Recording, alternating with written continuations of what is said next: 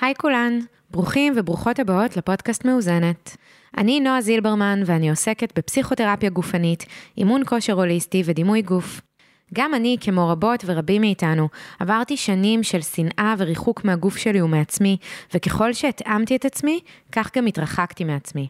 בעקבות מסע של ריפוי הגוף נפש שלי, שממשיך לקרות גם היום ובכל יום, הפכתי לאשת מקצוע שמקדמת בדיוק את אלו.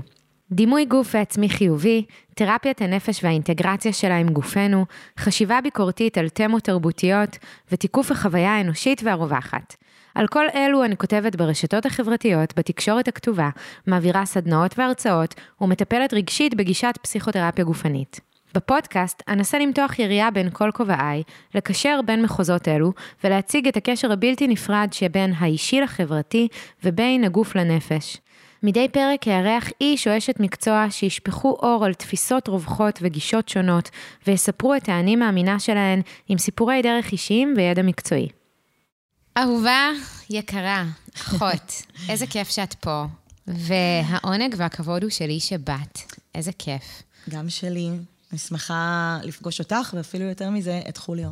אז נמצאת איתנו כאן ניצן ברנשטיין, המהממת, האקטיביסטית לשוויון מגדרי בתחומי הרפואה, או את תנסחי את זה טוב ממני, שותפה ומייסדת של אה, אנדומטריוזיס ישראל, להעלות מודעות אה, כל כך חשובה וחסרה, ואנחנו תכף אה, ניגע בזה. Mm-hmm.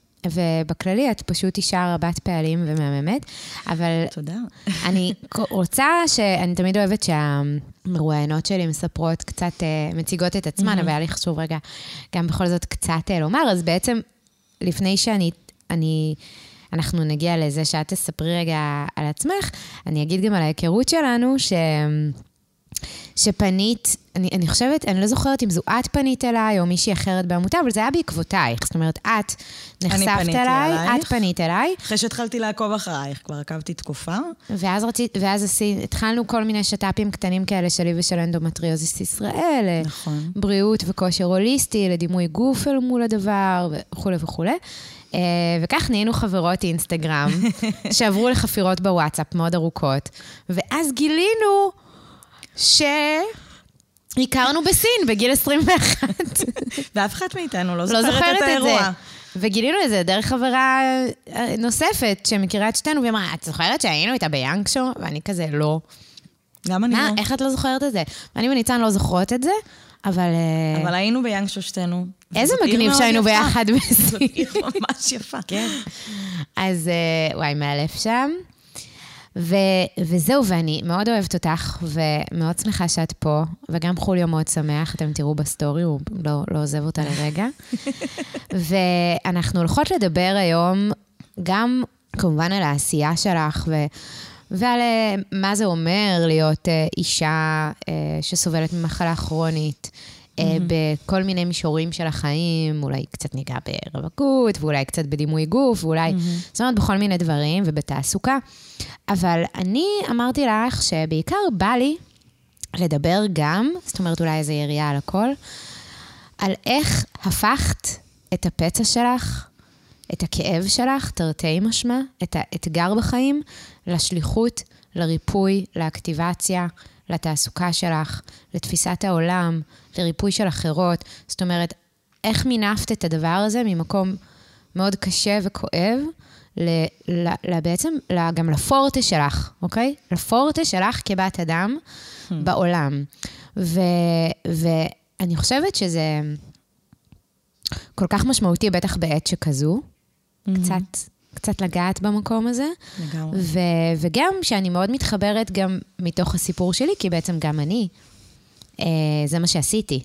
כן. מתוך הסכסוך שלי עם עצמי. הפכתי להיות אקטיביסטית ל- לריפוי סכסוכים עצמיים, נקרא לזה. עם הדימוי גוף שלנו, עם הדימוי העצמי שלנו, עם ה... אז זה סופר מעניין אותי שניגע בזה, ועכשיו אחרי כל הפתיחה המאוד ארוכה, אני אשמח שתספרי קצת עלייך. אז, אה, אז אני ניצן. אז אה, אני בת 35, ואני עובדת סוציאלית אה, במקצועי, עובדת סוציאלית קלינית, ובעצם אני מייסדת שותפה ומנכ"לית שותפה לשעבר של עמותת אנדומטריוזיס ישראל.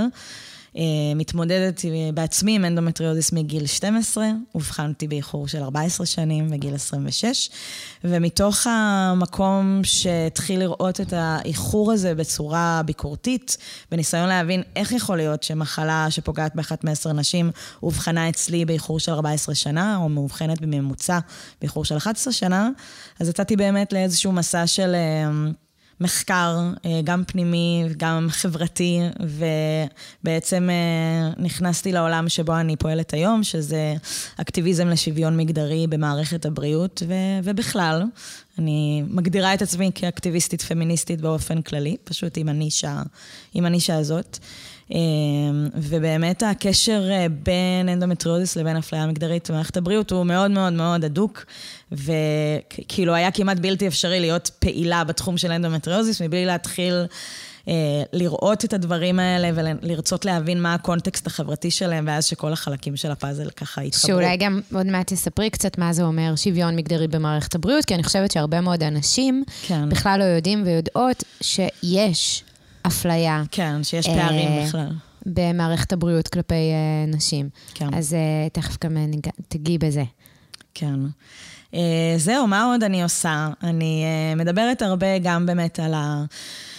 חוויה שלי כמטופלת, מה שנקרא מסע המטופלת. אז אם uh, בעולם הרפואי uh, מדברים על מסע המטופל, אפילו על מסע המטופלת, אז אני משתדלת לדבר על מסע המטופלת השקופה, שזה בעצם נשים שחולות במחלות שקופות, שזה אומר מחלות שמעבר לזה שקשה לאבחן אותן, uh, המערכת אינה משקיעה משאבים כדי לאבחן אותן או לטפל בהן, וגם לא רואים, לא רואים עלייך, מה שנקרא, לא רואים את הכאב ואת הסבל, ולכן באמת מסע המטופלת השקופה הוא שונה ממסע... התפיסה המטופלת באופן כללי, כי את נתקלת בהרבה הרבה יותר חסמים ובהרבה הרבה יותר סטיגמות ודעות קדומות מצד החברה בכללותה, אבל בפרט מצד המערכת הרפואית. ואני באמת אה, אוהבת מאוד לדבר אה, על נושאים אה, בכל מה שקשור ככה בין מגדר, אקטיביזם ובריאות.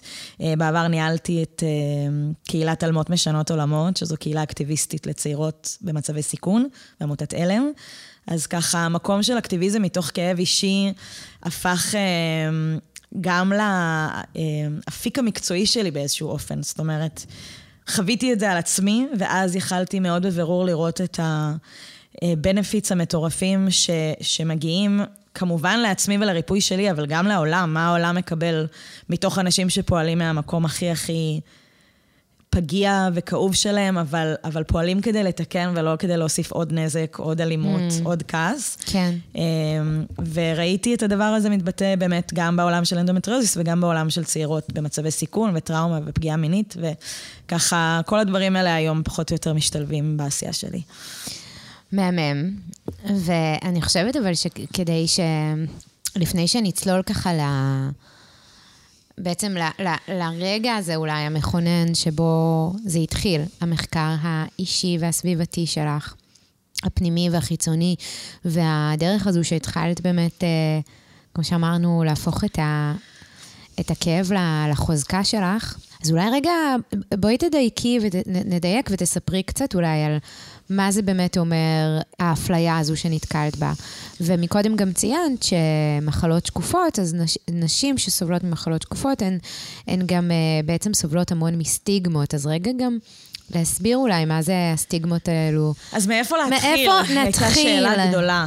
אה, אפליה מגדרית ברפואה זה כשמה כן היא, או אה, אקטיביסטית לשוויון מגדרי במערכת הבריאות, זה באמת העלאת מודעות ויצירת פעולות שנועדו לצ... להפוך את מערכת הבריאות לשוויונית ונגישה יותר עבור נשים. באיזה אופן? ואז ישאלו אותך, מה, למה היא לא שוויונית? מה, איך מפלים נשים? או.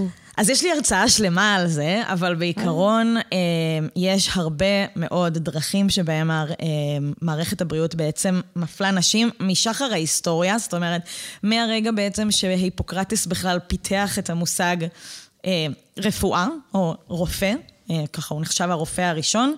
אה, מאז ועד היום יש איזו היסטוריה מאוד מאוד אפלה של יחס מזלזל, בור, אה, פטרוני ולעיתים אלים כלפי נשים בתוך מערכת הבריאות, או בתוך העולם המדעי, ממחקרים שכל פעם מוכיחים בדיוק את מה שמתאים לפטריארכיה באותו שלב של המציאות, לדוגמה, במאה ה-18, במהפכה הצרפתית, היה איזו תנועה של יציאה לחיים פוליטיים, לחיי השכלה. גם הנשים בצרפת רצו את זה, אבל כל האחווה, אה, רעות, שלום, לא זוכרת מה הפתגם שלהם שם, כל הנאורים... מה השטויות שהם גיבבו שם. כן. כל הנאורים היו נאורים עד הנשים. הם לא רצו שנשים יצאו ללמוד אה, ולקחת חלק בפוליטיקה כמו שהם. ולכן בדיוק באותה תקופה יצאו כל מיני מחקרים על זה שהמוח של נשים אה, קטן יותר מאשר של גברים, ולכן הן לא מסוגלות לצאת לחיי, לפובליק ספיר, כאילו לחיים שלה בחוץ, להצביע. יש הרבה מחקרים מאותה תקופה שמצאו שאם אישה מאמצת יותר מדי את המוח שלה, אז היא אה, תיצור נזק לרחם שלה ובכך לילדים שלה. וואו. זאת אומרת, את צריכה לבחור. לבחור אם את רוצה להיות אימא אה, כמו שמצופה ממך בתפקיד המגדרי שלך, או שאת רוצה להצביע. אם תעשי את שניהם, אז אה, יש ממש משפט שאומר, את תביאי עלייך ילדים חמי מזג. זאת אומרת, אישה שתאמץ יותר מדי את השכל, תפגע ברחם ותפגע בכל השושלת המשפחתית. אז זה את יודעת, זה מדע, זה המדע של אותה תקופה. בכלל, גם לראות אה, מה, מה זה אומר חמי מזג, זה גם מצחיק לומר. כאילו, למה, למה להיות חמת מזג? הרי זה, זה, זה עוד ממשיך כן. את ה... זה, מש, זה ממשיך את הסטיגמה ש... אה, אה, בין אם כאילו, אם את לא מיושרת, אני אומרת, כבת אדם, לנרטיב התרבותי בלהיות עדינה מנומסת, זאת אומרת, אם את מצביעה דעתנית, אם הדעתנית את חמת כן. מזג, כן. יש קו ישיר בין יש לי דעה לאת קשה מדי. והמערכת הבריאות הייתה בעצם ה... פסיליטייטור לאיך הופכים איזושהי התנהגות לא מותאמת של נשים להבחנה, בין אם פיזית ובין אם נפשית, ולענישה. הסופרג'יסטיות, אלה שנלחמו על זכות ההצבעה, היו מי שרמז שהן היסטריות או לא שפויות, ואשפז אותן בכפייה במוסדות פסיכיאטריים. גם היום, כשנשים מתלוננות על דברים, אה, נגיד על כאבים... הנה, הרבה... וזה הקו המקשר. כן, זאת אומרת, הדבר הזה נמשך אותו דבר, כל פעם זה נראה אחרת, אבל לדוגמה היום, יש לנו לא מעט נשים בקהילה של האנדו, לדוגמה, שסובלות במשך שנים רבות מכאבים. ברגע שהמערכת הרפואית לא יודעת לאבחן, אז היא מגדירה דברים כפסיכוגנים, פסיכוסומטיים. אה, מה זה פסיכוגנים? שלמי שלא יודעת? זה פשוט אה, הפרעה שקשורה, כאילו שמקורה הוא פסיכולוגי. אה, מה שנקרא ההיסטריה החדשה, בגדול. Mm-hmm, mm-hmm. ויש לנו נשים שהופנו ואפילו אושפזו באשפוזים פסיכיאטריים, כי החליטו שהן מדמיינות כאבים ולכן הן לא mm-hmm. בקו השפיות. כן, גם חשוב לומר, היסטריה זה בעצם אה, מונח שטבע פרויד, וזה מלשון רחם, היסטר. אני מקווה שאני הוגה את זה נכון. כן, מלטינית.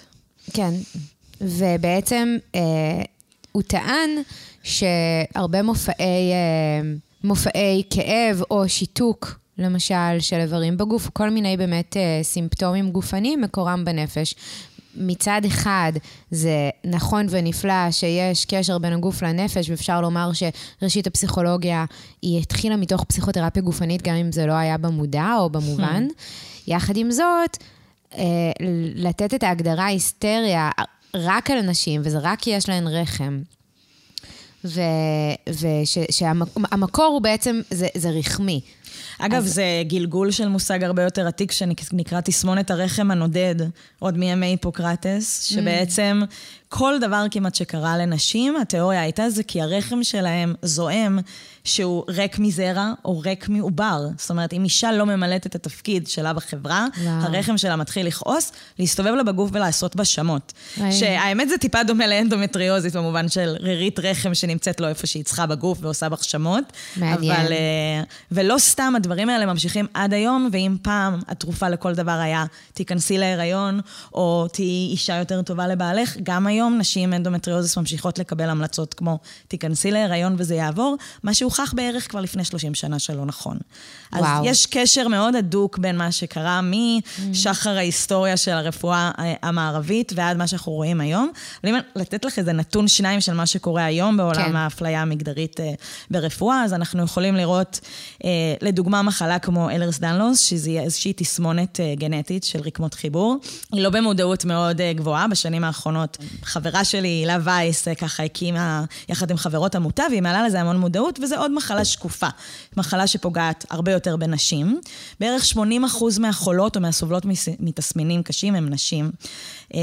ובכל זאת, מצאו באירופה שלגבר לוקח ארבע שנים בממוצע לקבל הבחנה, ולאישה 16. וואו. פי ארבע למחלה שפוגעת בין 80 ו-90 אחוז לנשים. זאת אומרת, הפער הזה הוא פער מטורף, ובכלל מצאו, זה היה איזשהו דוח על מחלות נדירות, מצאו שבממוצע לאישה לוקח ארבע שנים יותר מגבר לקבל אבחון לאותה מחלה. זה כשמדובר במחלות שפוגעות בשני המינים. מחלות שרק של נשים כמו אנדומטריוזיס, אז ברחבי העולם האיחור הוא בין 7 ל-12 שנה. וואו. וזו מחלה אחת הנפוצות אה, ביותר אצל נשים בעולם כולו. ו- וזה בעצם בגלל שיש איזושהי תפיסה או סברה שאם נשים מתלוננות זה כי הן היסטריות mm-hmm. בעצם. הן מדמיינות, הן ממציאות, הן מגזימות. מפונקות. הן מפונקות, הן משוגעות. הן צריכות uh, פסיכיאטר. או ללדת אחד מהשניים. או בשניהם. או שניהם. גבר אחד שיזריע, גבר אחד שייתן כדורים. כן. Uh, סליחה על האמירה הקשה. Um, אוקיי. ואז בעצם את uh, מקבלת אבחון בגיל 26, ואת... ו- ומה קורה לך אז? זה... סיפרתי את הסיפור הזה הרבה פעמים באמת, של ההבחנה, של השנה, שנתיים הראשונות, וכל פעם כזה אני מתייח... מסתכלת על זה בנקודת מבט אחרת, אמ, ומנתחת את זה בצורת מבט אחרת. אז אני יכולה להגיד שנגיד המודעות שלי לאפליה מגדרית ברפואה, כל זה, לקח לה זמן להגיע. זה לא מה שאני חוויתי באופן אישי בהתחלה. אני אובחנתי על ידי רופאה שהקשיבה לי, האמינה לי ושלחה אותי לאבחון, זה היה סוג של נס, ואז לא ידעתי שזה נס, אבל הגעתי לרופא הראשון, למומחה אנדומטריוזיס, הפרופסור, שככה...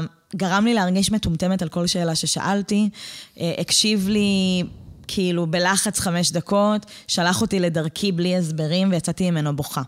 וזה אני זוכרת, הרגשתי כמו שהרבה פעמים הרגשתי בחיים, שהגזמתי בתגובתי, שכנראה הייתי רגישה מדי, בטח אני היחידה שיוצאת ממנו בוכה, זה סתם כי אני כזאת רגישה ודרמטית ומגזימה, וכל מיני דברים שאמרו לי או לרוב הנשים על פני כדור הארץ בזמן כזה או אחר בחיים שלהם. ואז הצטרפתי לקבוצת הפייסבוק, שלימים נהפכתי להיות המנהלת שלה, אה, אבל אז הייתי רק חולה שנכנסת לקבוצה ומוצאת שם מזור לכאבה ופשוט אה, רשת הצלה, כאילו, באותה תקופה שאת כאובה כל כך ואף אחד לא מבין, אף אחד בקושי יודע מה זה, את בעצמך לא מצליחה לומר את שם המחלה שלך מרוב שהיא מורכבת. אז זה היה ממש ממש הצלה. ואני זוכרת שראיתי עוד ועוד סיפורים עליו, או על רופאים אחרים, שנשים יוצאות מהם בוכות, שמזלזלים בהם, שלא... זאת אומרת, גם אם כבר אבחנו לך אנדומטריוזיס, גם אם כבר הוציאו לך אנדומטריוזיס בניתוח, הדבר הזה לא משתנה. כל הזמן התחושה היא שאת שואלת יותר מדי שאלות, שאת רגישה מדי, שאת לא ראויה לקבל... את כל אה, סל ההחלטות האפשריות כדי שתבחרי בחירה מושכלת, אלא מישהו מחליט עבורך, הפטרנליזם הזה היה נורא נורא נפוץ. מה הכוונה מישהו מחליט עבורך? אומר לך, לדוגמה, שיש רק נתיב טיפולי אחד, כשבעצם יש הרבה יותר, אבל הוא לא סיפר לך עליהם. בין אם הערבים, בין אם טבעיים. או שאת אומרת, נגיד באנדומטריוזיס, אז ההמלצה היא לקחת גלולות ברצף. זה מפחיד המון נשים, ואני מבינה את זה, כי גם הרבה שנים אמרו לנו בדיוק ההפך, זה רעל, זה רעל, זה מסוכן. אז את שואלת הרבה פעמים, בתמימותך, הרגע אובחנת, את לא יודעת כלום, שאלה לגיטימית. זאת אומרת, זה לא מזיק?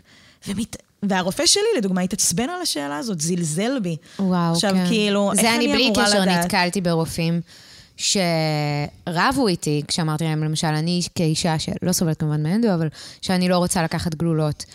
ורבו איתי על למה, כן. כאילו, באיזה קטע אני... אה, אני, אני מז, מזלזלת, או שמה בכלל סימן שאלה על כן. הדבר הזה שהוא כל כך מוכח, וכאילו, כאילו כעס עליי, כאילו אני... כאילו זה, אישי. וזה הגוף שלך, וזו הבחירה שלך. זה הגוף שלי וזה לגיטימי, כן.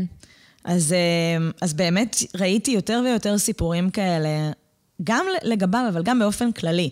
זאת אומרת, פשוט כל יום עוד ועוד סיפור של מישהי שזרקו אותה מכל המדרגות, שאובחנה באיחור של 20 שנה, שאיבדה איברים פנימיים, כי רופאים ליטרלי זרקו אותה מהחדר ולא התייחסו אליה לאורך שנים.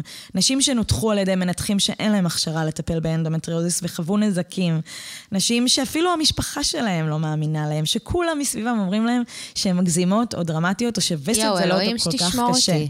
וזה באמת, התחלתי להבין שיש פה דבר שלא קורה עם כל מחלה, שיש משהו ב... ב ההקשר הזה של מחלה שקשורה לווסת, מחלה שקשורה לרחם, ומחלה שמתאפיינת בכאב, שאי אפשר לראות בשום בדיקה, שזה פשוט כל התנאים מוכנים אה, ככה בשביל לזרוע זרעים של זלזול, פטרנליזם, גז לייטינג, כל הדברים שכאילו, וואו. זה כזה מין... אני תמיד קוראת לזה המקרה הכי מובהק וארוך טווח של אפליה מגדרית ברפואה בהיסטוריה. כי כמות הנשים שסובלות מכאבים באגן, בעיות אה, מחזור, בעיות אה, פוריות, לאורך ההיסטוריה, היא עצומה. והמודעות היא בעלים, בחוסר הלימה מוחלט. זאת אומרת, אנחנו ב-2024 ועדיין נשים, אפילו באנגליה, לוקח להם בין תשע לעשר שנים לפעמים לקבל הבחנה. זה איך... גם אולי רגע לומר שבאפליה מגדרית אה, רפואית, זה גם גם מתיישב הרבה על זה שאין, את יודעת, את יודעת טוב ממני ותרחיבי, אבל שאין אה, אין חקירה, אין מחקרים בכמות, בעומק mm. ובאופן כלפי מחלות נשיות, לעומת כלפי מחלות אה, כלל אה, מגדריות או גבריות. אה, מחלות נשיות פחות נחקרות. לגמרי. שזה mm. גם מאוד עניין. יש באמת, כמעט כל תחום ש, שתזרקי, אני אוכל להדגים לך את האפליה המגדרית שיש בו, משמנופוביה רפואית ועד פיתוח תרופות ומחלות לב, אה, ובאמת כאילו, כמעט בכל תחום אפשרי, אז כמובן שבמחקר אפשר לראות נגיד אנדומטריוזיס, היה עד איזה 2018, מחלה שפוגעת ב-200 מיליון נשים בעולם, קיבלה בערך תקצוב של 8 מיליון דולר בשנה מהמערכת ה-NIH, מוסדות הבריאות האמריקאים. כשכאילו... אלרגיה כזה, היי פיבר, 100 מיליון דולר, דברים כאלה. חישבתי אז, זה יוצא 0.075 סנט פר חולה.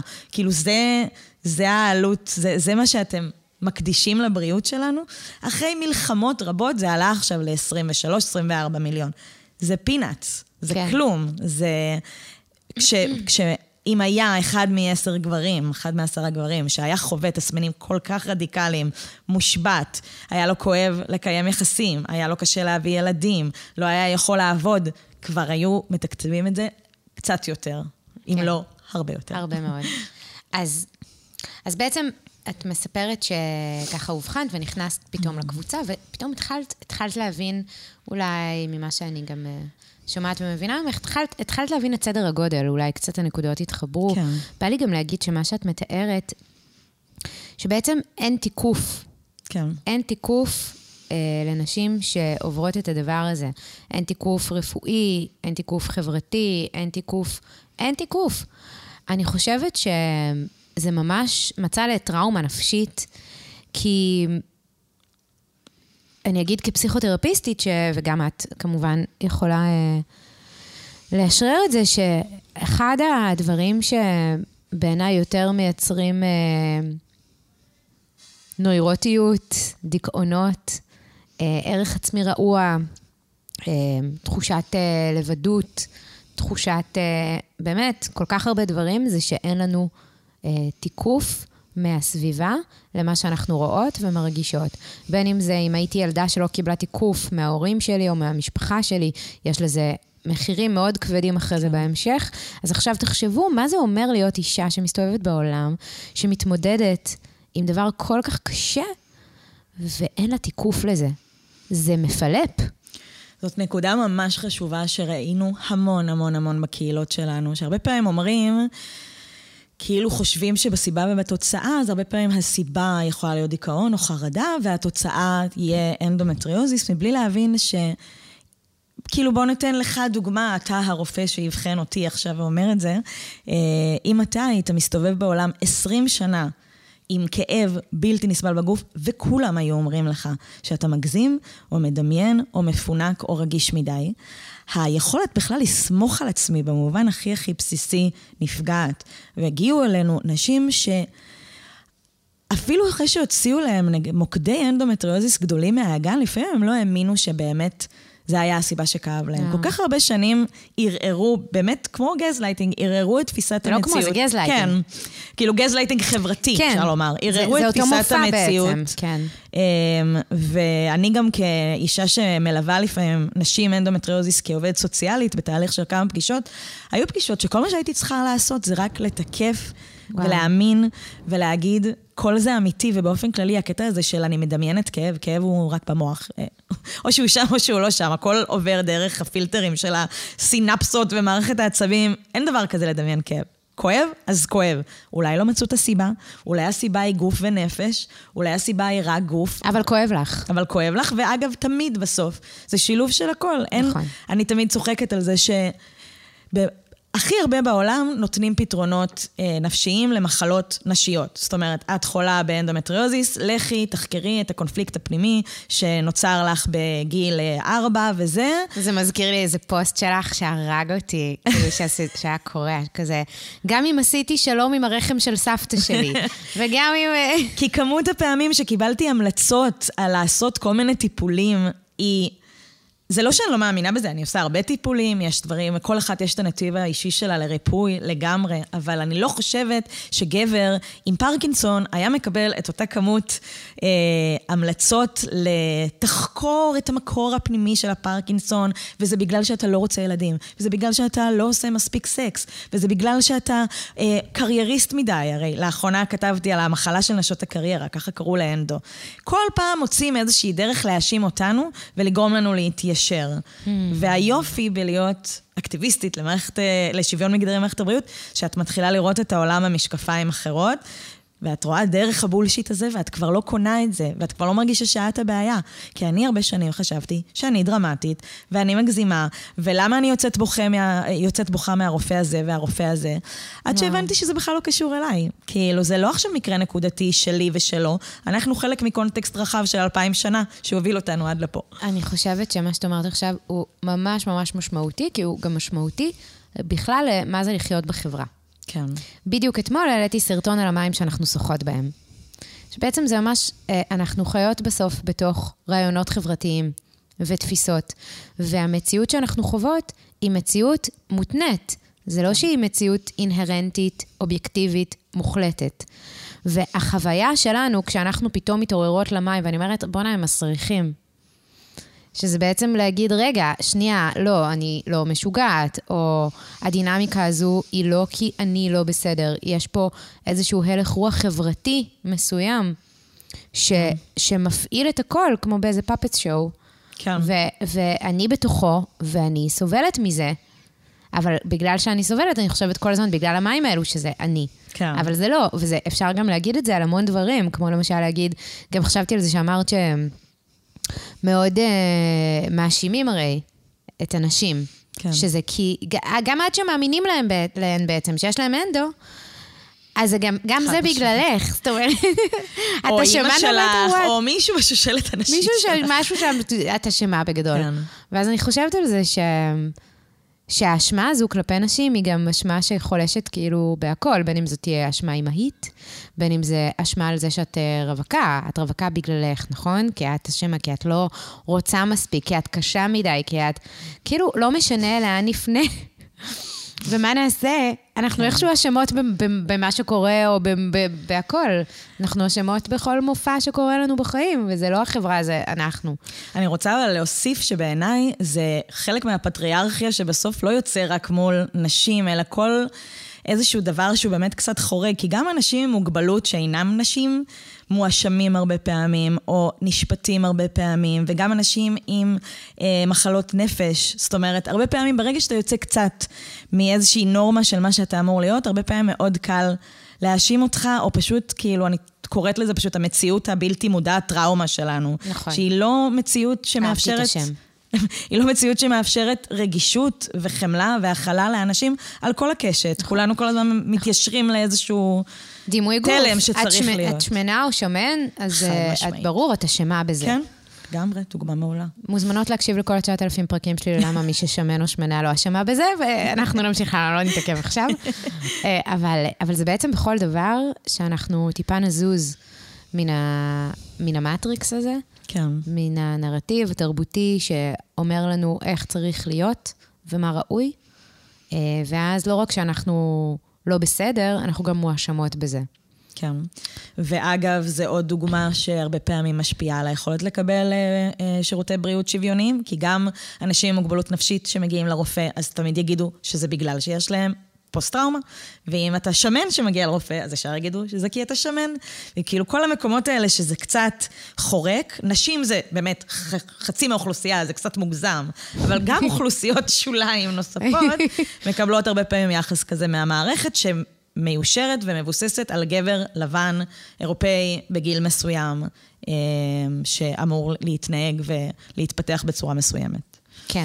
בעצם אני רוצה רגע לגשת אז ל, לרגע הזה, שבו את uh,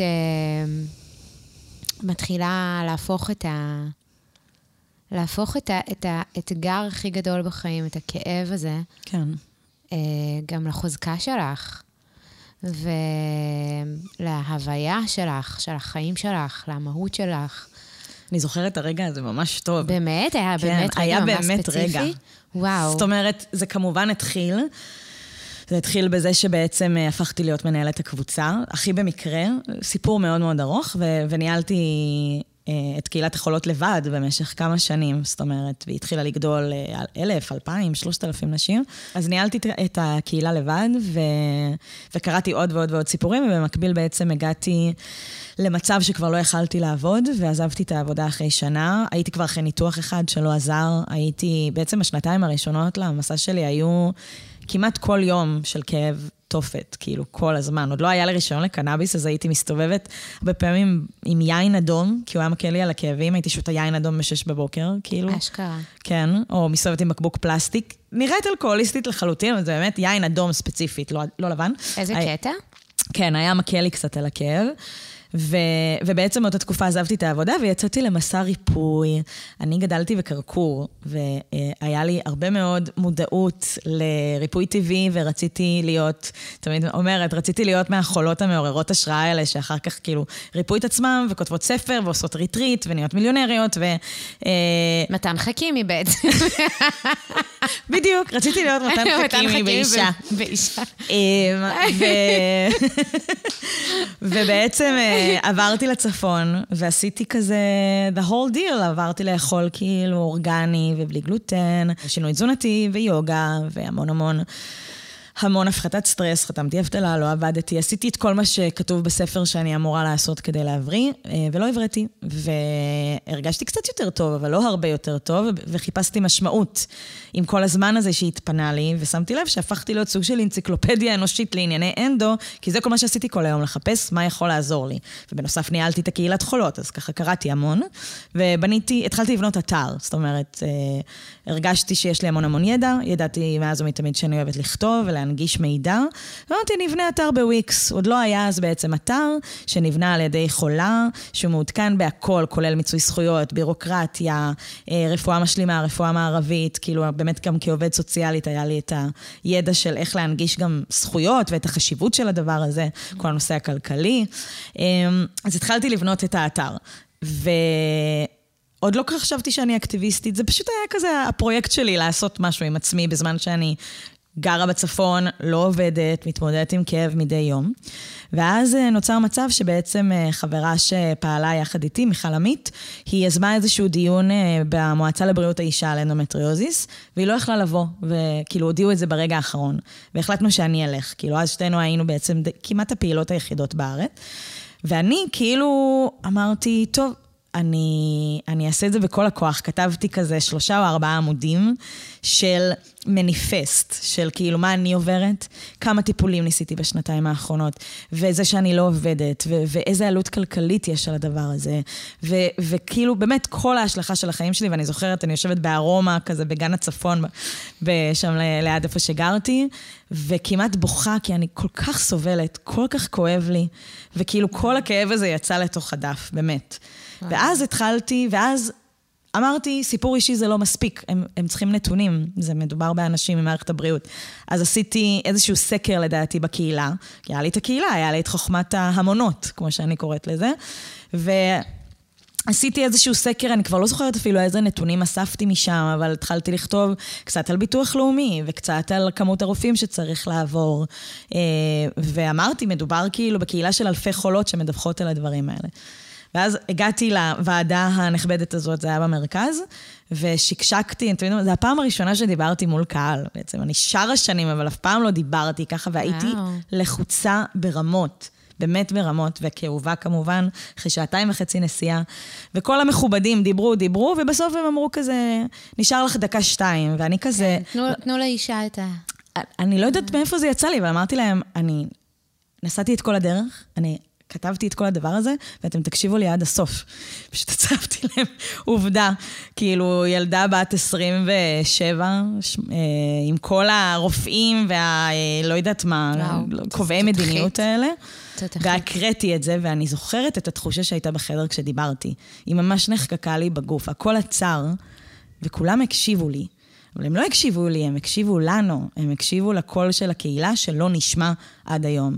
וואו. ו- ואני זוכרת שסיימתי, והיו אנשים עם דמעות בעיניים, והיו אנשים בשוק, בהלם מוחלט של, זה אנדומטריוזיס? לא היה לי מושג. היה מישהו שאמר, אני חשבתי שבכלל לא צריך להביא לפה דיון על אנדומטריוזיס, כאילו, מה זה חשוב? ועכשיו אני מבין למה. זאת אומרת, ואני זוכרת שהבנתי אז את הכוח שיש לקול שלי, או בכלל, הכוח שיש כדי להשמיע קול, ולשלב בצורה שהיא אה, מבוקרת, אני אומר, ולצערי, זה אולי לא אידיאלי, אבל זה המקום אנחנו נמצאים. את לא... לא, לא מספיק רק לבכות ולומר את הכאב וכמה כואב, כי לצערנו זה סוגר הרבה אנשים. רואים אישה בוכה, היסטרית, לא מקשיבים. את צריכה לעשות איזשהו שילוב מאוד מדויק הרבה פעמים, בין החוויה האישית שלך, הכואבת, הסיפור, ה storytelling, לבין המספרים. וזה עבד איתם מאוד מאוד טוב, וקרו המון המון דברים. בעקבות הדיון הזה שבעצם נמשכים עד היום, כאילו כל מיני ככה התפתחויות, וזה עוד דבר שלמדתי, שכאילו, את יכולה לעשות דבר די קטן, והאדוות שלו יכולות לעשות דבר ענק, אי אפשר לדעת, כאילו, המון דברים קרו מזה שבחיים לא היינו מצפות שיקרו. אה, וזה היה מבחינתי נקודת הפתיחה שלי לאקטיביזם, אה, ומאז וואו. היו הרבה מאוד דברים שקרו, אבל זה ככה היה רגע, רגע שממש נחקק לי של כזה העוצמה, וגם התחושה שלי של... וואו, לכל הסבל הזה יש משמעות. כאילו, וואו, הסבל הזה לא לחינם.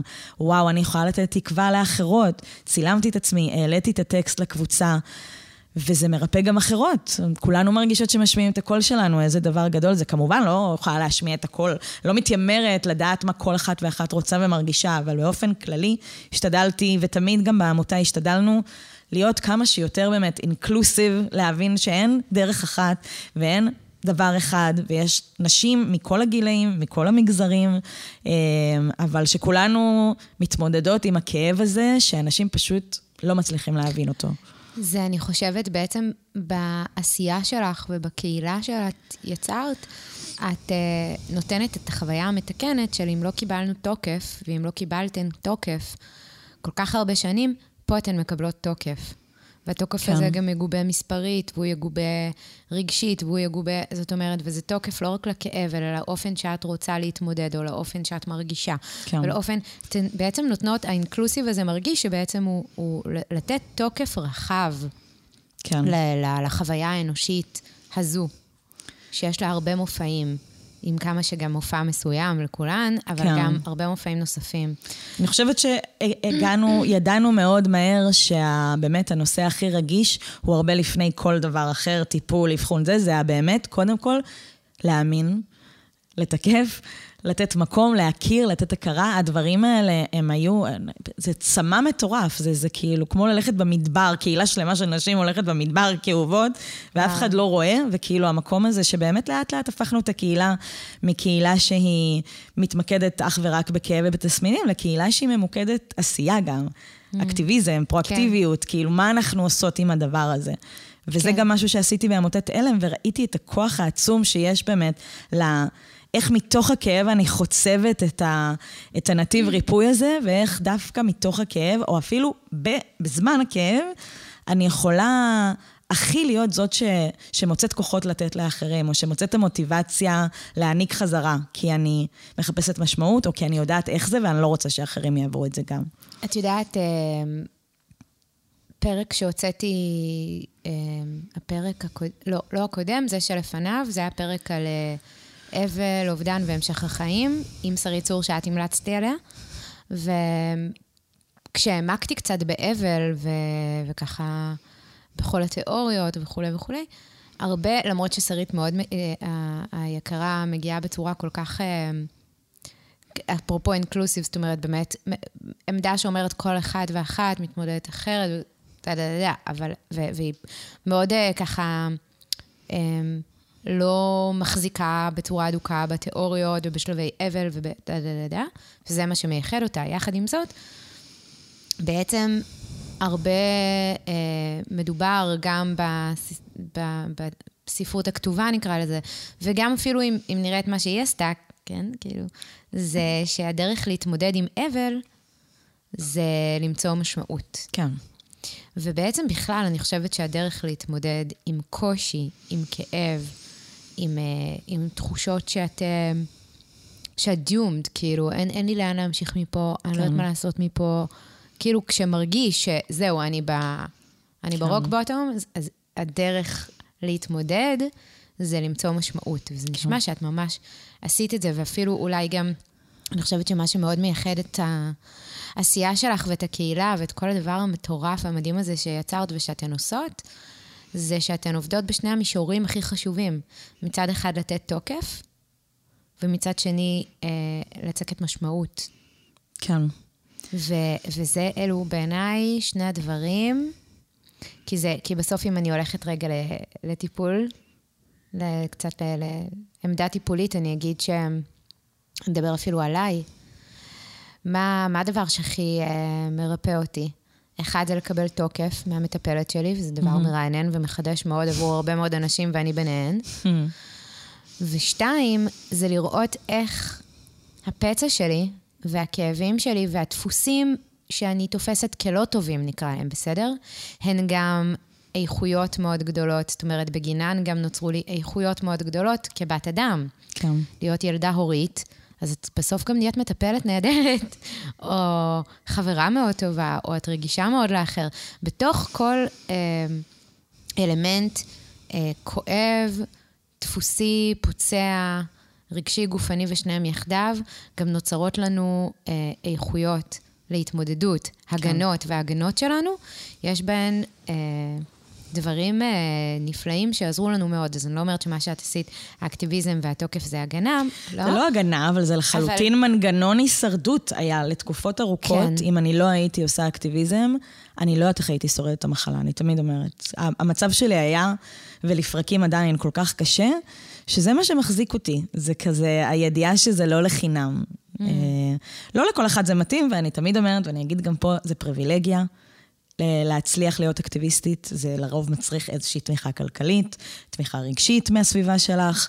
לא לכולם זה אפשרי, אבל ללא ספק כל אחת צריכה למצוא איזושהי משמעות או דרך.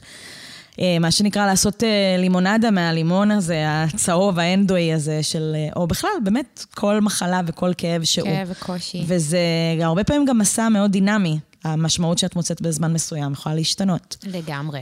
אני חושבת שזה עוד איזה משהו חשוב להבין בכלל בחיים עצמם, ובטח בהתמודדות עם קשיים. כן. ואנחנו ככה עוד מעט צריכות לסיים, ובא לי שכן נסיים אולי באיזושהי נימה קצת אישית. ו- ואפרופו, אפרופו כאילו הגליות הזו שקורית בהתמודדות, mm-hmm. ובחיים בכלל, אני קצת לשאול אותך, ואיך זה בשבילך היום?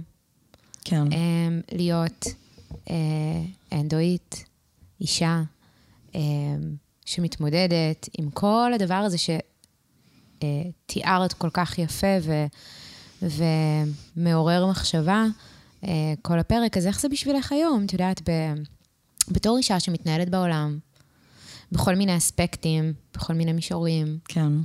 אני חושבת ש... יש משהו בלהיות עם מחלה כרונית ולהיות עם מחלה כרונית מהסוג הזה, שזה כל הזמן מפגיש אותך עם החלקים של הדימוי גוף שלך שהם הכי מורכבים לך מלכתחילה. זאת אומרת, יש איזה משהו של איזה, הרבה פעמים איזה מין חוסר שליטה כזה. הכל נורא כואב, הכל נורא נפוח, את חם לך נורא, את כאילו, הרבה פעמים אני ממש מוצאת עצמי נפגשת בכזה פנים אל פנים עם השדים הכי גדולים שלי בהקשר של התמודדות גופנית. את לא יכולה לשים את זה בצד, מה שהרבה אנשים אולי יכולים, ואז באיזה רגע של מחלה, כאב, אתגר פיזי, אז מתחילים לצוף כל מיני דברים אחרים. אצלי אני מרגישה, ואני חושבת שאצל עוד הרבה, זה מייצר כל כך הרבה התמודדות עם דימוי גוף, עם איך אה, אישה אמורה להיות ואיך היא באמת. אה, להרבה נשים יש התמודדות מינית מאוד משמעותית, אצלי זה פחות מורגש, כאילו, כי יש המון המון כאבים במיניות.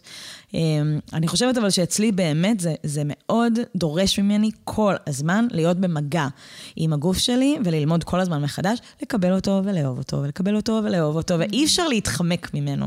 הוא נוכח, הוא שם, והוא כזה דורש את תשומת ליבי. הטובה והמיטיבה. אחרי הרבה שנים שלו אולי לא בהכרח היה, היה לו את זה, מהסביבה או ממני. Um, הרבה שנים חשבתי שאין לי בעיות דימוי גוף, כי פשוט לא הייתי במגע עם הגוף שלי בכלל, ודווקא בזכות, בגלל, תלוי ביום, אה, המחלה, אז, אה, אז זה מייצר איזשהו קשר שלימד אותי גם המון המון קבלה וחיבור אל הגוף שלי, כמו שלא ידעתי מעולם. שזה שוב פעם לראות איך הכאב כן. מייצר גם, מייצר גם איכויות. לגמרי, אבל גם באמת הרבה פעמים התמודדות, אני זוכרת עצמי פעם אחת נכנסת לאוטו, אני סובלת מחום בטירוף.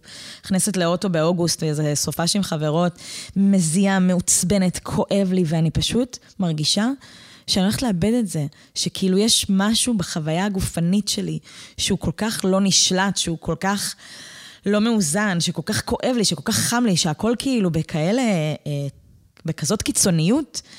שכאילו הרגשתי שאני לא יכולה יותר, עם כלום, עם, עם, ה, עם הדבר הזה שנושא אותי. ובאופן כללי זה מאוד קשה להיות בתוך... זאת אומרת, אם מסתכלים על טראומה הרבה פעמים כאיזה משהו שתוקף אותך ואת לא יכולה לברוח, אז פה זה הגוף שלך. את נמצאת לפעמים בתוך מה... גם בטראומה. מה? גם בטראומה. לא, אבל התוקף, אבל כן. התוקף הוא התוקף הגוף שלך. התוקף הוא הגוף, כן. אין לך איך לברוח ממנו. אה, את לא יכולה fight or flight, אין לך, זה רק פריז. את נמצאת בתוך החוויה של הכאב, ואת, אין לך מה לעשות הרבה פעמים, חוץ מפשוט לחכות שזה יעבור. מבחינה נפשית זה יוצר הרבה מאוד קושי, הרבה פעמים, וואו. בתקופות של כאב חזק.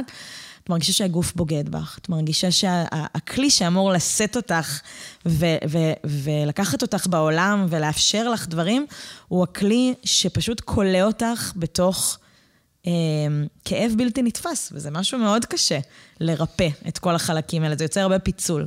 אז... אה, וואו, מאוד, ובעצם זה כאילו, אני מרגישה שזה יכול להוביל באמת לאיזה, כמו שתי אופציות, או שאת, או שלא. כאילו, או שאת מתנתקת כן. בצורה ממש אולי על הגבול הדיסוציאטיבית כדי כן. לשאת...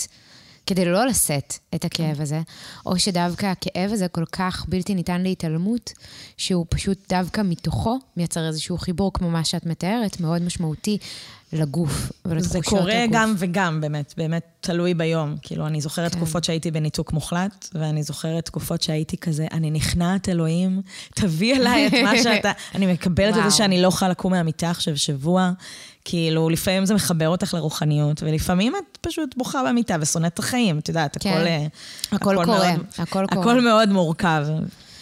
וזה גם מתחבר שוב לעמדה המהממת הזו שאת מביאה, של, של הבאמת, אה, אין איזה, אין איזה ציפייה או תכתיב או אמירה באקטיביזם שלך לאיך את אמורה להתמודד, איך זה לא. אמור להיות, איך את איתי, תתה. מה שאנחנו, אפרופו באמת, את יודעת, זה משהו שבא לי להגיד אותו כשתי אקטיביסטיות שיש בינינו, בעיניי, אה, הרבה מן המשיק, שזה העמדה הזו של אין דרך או אמת אחת, ואני חושבת שלא סתם קצת, סליחה, לא רוצה להסתבך פה עם אף אחד, אבל קצת צחקנו מקודם על, אה, כל, על, על גורויות שכזו או אחרת כן. של זה, ולמה? כי אני, אני חושבת שאנחנו חיות בעולם מאוד כל ה-new age הזה, אה, שעם כמה שלכאורה הוא מבקש, הזרם הזה של ה-new age, אה, לפתוח אופקים, והוא הביא הרבה דברים טובים, ושתינו גם משויכות אליו בצורות כאלו או אחרות. הוא גם מאוד, uh, בצורה החדשה שלו, הוא גם מאוד uh, רעיל. כן. והסיבה שהוא רעיל זה כי במקום uh, להרחיב את האופקים באמת, של איך זה יכול להיות, להרגיש ואיך ניתן להתמודד, הוא, הוא מאשים ומצמצם. כלומר, זה קצת כל מה שאמרת. תבדקי אה, עם הרחם, אה, אין לך שלום עם הרחם שלך, ומה היה בהיסטוריה המשפחתית, וטה טה טה טה, או את צריכה להחלים בשיטה הטבעית, את צריכה להחלים... זהו, יש המון הצריכה, שזה בעיניי אסון. ואת באה ואומרת, אין, אין, אין איזה אחד, ולא רק גם שאין דרך אחת, אין דרך אחת גם רק לי. זאת אומרת, גם אני, אני פעם פועלת ככה, ופעם פועלת ככה, ופעם מרגישה ככה, ופעם מרגישה ככה, ורגע לנרמל, כי בסוף הכל חוזר לעניין של תיקוף. אני קוראת לזה חמלה. חמלה. חמלה עצמית. כאילו, מבחינתי הדבר הכי חשוב, שאנשים יהיו בחמלה על עצמם. לא כולנו מצליחים לא לאכול את מה שאסור לאכול, וללכת לחדר כושר. אף אחד מאיתנו. ללכת לחדר כושר שלוש פעמים בשבוע, או אה, לא יודעת מה, לעשות... זה פשוט לא אפשרי, ואני מרגישה שהדרך שלי לבריאות הנפשית זה תועפות, תועפות הרים. של חמלה. של חמלה. ו... ולצערי יש גישות שרואות בזה כאיזה משהו אולי תבוסתני או מוותר לעצמו, ואני חושבת שהיא... קורבני, או איך אני שונאת כן, את המילה.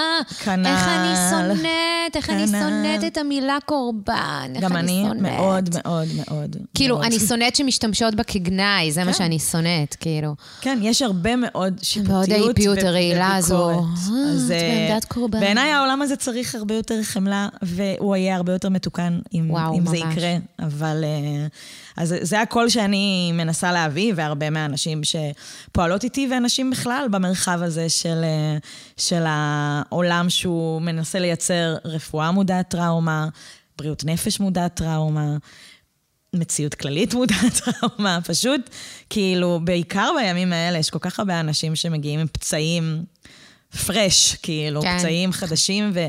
אנחנו חייבים יותר מתמיד להיות בחמלה הזאת, וגם להבין באמת שזה לא...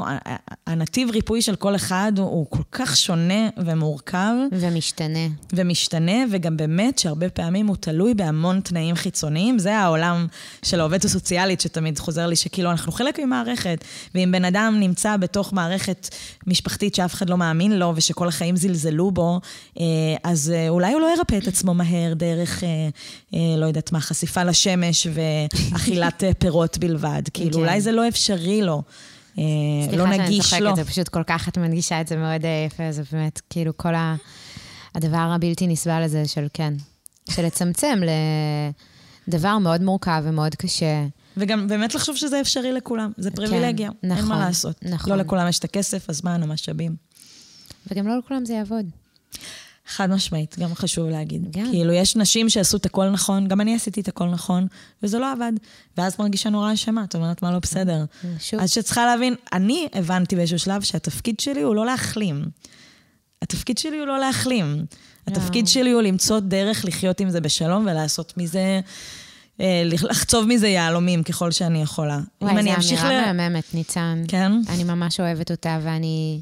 בא לי לקחת אותה. כי פשוט הרגשתי שחיכיתי כל כך הרבה זמן להצליח ולכתוב את הספר הזה ולהפוך כבר לחולה המעוררת ההשראה הזאת, וזה לא קורה, וזה היה כל כך הרבה אכזבה. עד שהבנתי שזה לא הנתיב שלי כנראה, ואולי תמיד יהיה שם איזשהו כאב.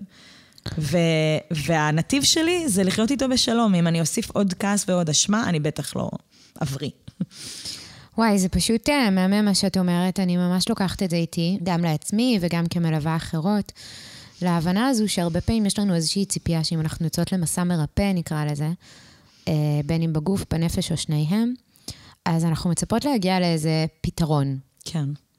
והאמת היא המאוד לא נוצצת ולא סקסית ולא מוכרת ספרים, שהפצעים שלנו, הרגשיים או הגופניים, הכרוניים, הדפוסים, הם תמיד יהיו במידה כזו או אחרת. ויש לזה גם הסברים, אפרופו, אם אני אקח את זה רגע גם להתבוננות נפשית, יש לזה הרי גם הסברים פיזיולוגיים של הנוירונים שעוברים לנו בין התאים במוח. זה לא שעכשיו אם את מייצרת התניות חדשות, זה יימחק לחלוטין. יישאר שם כמו איזה נחל אכזב, ולפעמים יהיה טפטוף או שיטפון, תחזרי לדפוס הישן. אבל את בונה ערוצים חדשים ונוספים לפעול אחרת להרגיש אחרת, אבל יהיה תמיד גם את כן. הדבר הזה, ביוגה קוראים לזה סמסקרות. את לא יכולה mm. למחוק הטבעות כן. ישנות, את יכולה לעשות הטבעות חדשות. הנבונים האלה הבינו את זה כבר ממש מזמן. כן. וזה מאוד מתחבר לי למה שאת אומרת, כי כי את בעצם אומרת, זה לא, אני לא מצפה עכשיו שיהיה פה איזה קסם, וזהו, והופ, אני uh, מקפצת בשדות לבושה לבן. זאת אומרת, אני, אני לומדת לחיות בצורה המיטיבה והמקסימלית עם זה שקשה. וזו אמירה מדהימה בעיניי, ועמדה מאוד אנושית בעיניי, אמיצה ו- וכנה, ומעוררת השראה. תודה. אהובה, אנחנו צריכות uh, ככה לסיים, ואני רוצה להגיד לך הרים של תודה שבאת. Mm. היה לי ממש כיף ומעניין ומלמד. וגם לשאול אותך, אה, עם מה את רוצה לסיים? עם מה את רוצה לסגור את הפרק שלנו? אם יש לך איזה מסר משמעותי שאת רוצה מסר להעביר? לאומה. מסר לאומה. או לאומן, גם. סתם, זה שטויות. א', אני מחפשת חתן. גם אה, אני, תחפשו לנו חתן. אם אתן מכירות מישהו פמיניסט. זה אה, כזה, מה, איך את רוצה שנסיים. את הפרק? כן. וכזה, אני רווקה ואני רוצה זוגיות. 0546. לא, אמרת אומן, אז אמרתי, בא כן, לי כן, להשתטח על כפרי צדיקים לרגע.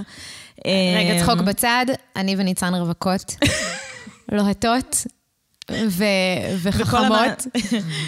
כל המאזינות נשים, אבל בסדר, יש לכם יש אחים, אח. יש לכם בני דודים, יש לכם איזה חברים. ידיד שאת לא מבינה למה את לא יש לכם נמשכת אליו, אבל... הגרוש את לא. שלכם. כן, אתן מוזמנות להפנות אלינו, יש לינקים בתיאור של הפרק. איי, מעולה. אה, אה, וחוץ מזה, משהו גם עבורן. עם מה אני רוצה לסיים? אוקיי, אני יודעת עם מה אני רוצה לסיים. דבר ראשון, אם מישהי מאזינה, והיא לא יודעת מה זה אנדומטריוזיס, או שהיא חשבה שזה משהו מסוים, אה, ושאולי לה אין את זה. בא לי להגיד, אם את סובלת מכאבים חזקים בווסת, בביוץ, בין לבין, דלקות חוזרות בשתן שלא מבינים מה הם, בעיות עיכול, כאבים מיחסי מין, בעיות פוריות שאף אחד לא מצא, והלכת לכל הרופאים וכולם אמרו לך שאין לך שום דבר, לכי למומחה אנדומטריוזיס ורק תבדקי, יכול להיות שזה זה. יש המון מידע באתר של אנדו... עמותת אנדומטריוזיס ישראל, אני כבר לא מנהלת אותה, איה ורטהיימר, אה, שותפתי, נשארה לנהל אותה, והן ממשיכות לעשות עבודה מדהימה, ובאמת יש שם המון המון מידע. ורק לאחרונה נגיד, האקטיביסטית, אה, לא אקטיביסטית, סליחה, המשפיענית, קרן, שח, קרן שחר, היא אמרה בסטורי שלה שהיא חולה באנדו, ואני ממש זוכרת שכתבתי לה כבר לפני שנים, ממליצה לך לבדוק, והיא אמרה, הלכתי להמון רופאים, כאילו, לאורך החיים, אמא שלי נורא מודעת, כולם אמרו שזה לא זה. אמרתי לה, לצערי זה לא מבטיח את זה שזה לא זה. והדבר הנוסף להגיד זה באמת, ואני משתדלת להגיד את זה בכל ההרצאות שלי, אנחנו צריכות לח- להחזיר לעצמנו את האוטונומיה על הגוף שלנו, במובן, לפני הכל, של להקשיב, לסמוך, להאמין, ולזכור שכן, לפעמים אנחנו מגיבות, אפילו אולי בצורה מוקצנת בגלל כל מיני דברים, אבל אנחנו לא מדמיינות את הכאב או את הקושי. לפעמים, נכון, אפשר לתווך את זה אחרת, בעיקר אם את נורא כאובה ואת מתחילה לצרוח על איזה רופא, לא סבבה. אה, תלוי מה הוא עשה כמובן, אבל כן. סתם הוא היה נחמד, לא סבבה. אבל לזכור שאנחנו... מגיע לנו יחס טוב מהמערכת הרפואית. מגיע לנו שלא יכאב לנו, שלא יעשו לנו דברים שלא הסכמנו אליהם. מגיע לנו להיות אצל רופאים שמקשיבים לנו, שמכבדים אותנו, שמסבירים לנו מה הם הולכים לעשות, שלא מכאיבים לנו, ואם הם מכאיבים לנו, הם מפסיקים. כל הדברים האלה, לצערי... בא לי לקחת את זה ולהגיד בכלל כלפי נשים. כאילו, אנשים בכלל, אבל נשים בכלל, בכלל, כאילו, לא כן, לא כן. רק אם יש לכם... מד... לא, כן. אני מדברת עכשיו על נשים בכלל. כן. נשים בכלל, במערכת הרפואית, לצערי, פגשתי הרבה שרק אחרי נגיד הרצאה שלי, או משהו אחר שהם עשו, הם הבינו שהם שנים מתפשרות על הרופא, הרופאה שלהם, שמזלזלים בהם, שמכאיבים להם, רק כי הם חשבו שזה כזה, שהם הרגישות, שהם הבעייתיות, או שפשוט זה מה יש. אז בא לי להגיד, יש גם יותר טוב, וככל שנצביע ברגליים ונדרוש את זה, ונמליץ לאחרות, ונרים לאלה שעושים עבודה מעולה, ונעיר לאלה שלא, אז לאט לאט אולי נוכל לתקן, והכי חשוב גם להאמין אחת לשנייה שכואב, כי גם אנחנו לפעמים יכולות לא לתקף מספיק אחת את השנייה, בעיקר נשים עם כאבים, בעיקר נשים עם כאבי מחזור. אה, שכזה, הרבה פעמים דווקא השיפוטיות מגיעה דווקא מהרופאות נגיד, ולא מהרופאים.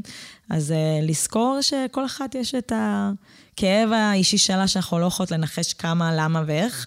קודם כל לצאת מנקודת מוצא של, אה, של אמון ושל חמלה. זה המסר שלי לאומה. וואו, ממש, ואני מרחיבה את זה ואומרת, ב- בכל אספקט. לגמרי. מגיע לנו טוב, מגיע לנו שיאמינו לנו, ואת לא יותר מדי ואת לא אשמה. אמן, sister. Yes. תודה רבה רבה, אהובה. היה תודה לי לך. לעונג. תודה לחוליו. תודה לחוליו. תודה שהייתן איתנו. ואם אהבת או אהבת את הפרק, מוזמנים עוד לשתף אותו איפה ועם מי שנראה לך שתתרם ממנו. אם אתה או את מעוניינת בטיפול בגישת פסיכותרפיה גופנית, או במעקב אחר התכנים והעשייה שלי, אני נמצאת באינסטגרם ובטיקטוק בנועה זילברמן 869, ובפייסבוק בנועה זילברמן, מקף אמצעי, פסיכותרפיה גופנית ודימוי גוף. לינקים נמצאים בתיאור הפרק. פרק יוצא אחד לחודש, מוזמנים עוד לעקוב ולעשות subscribe, נתראה בפרק הבא.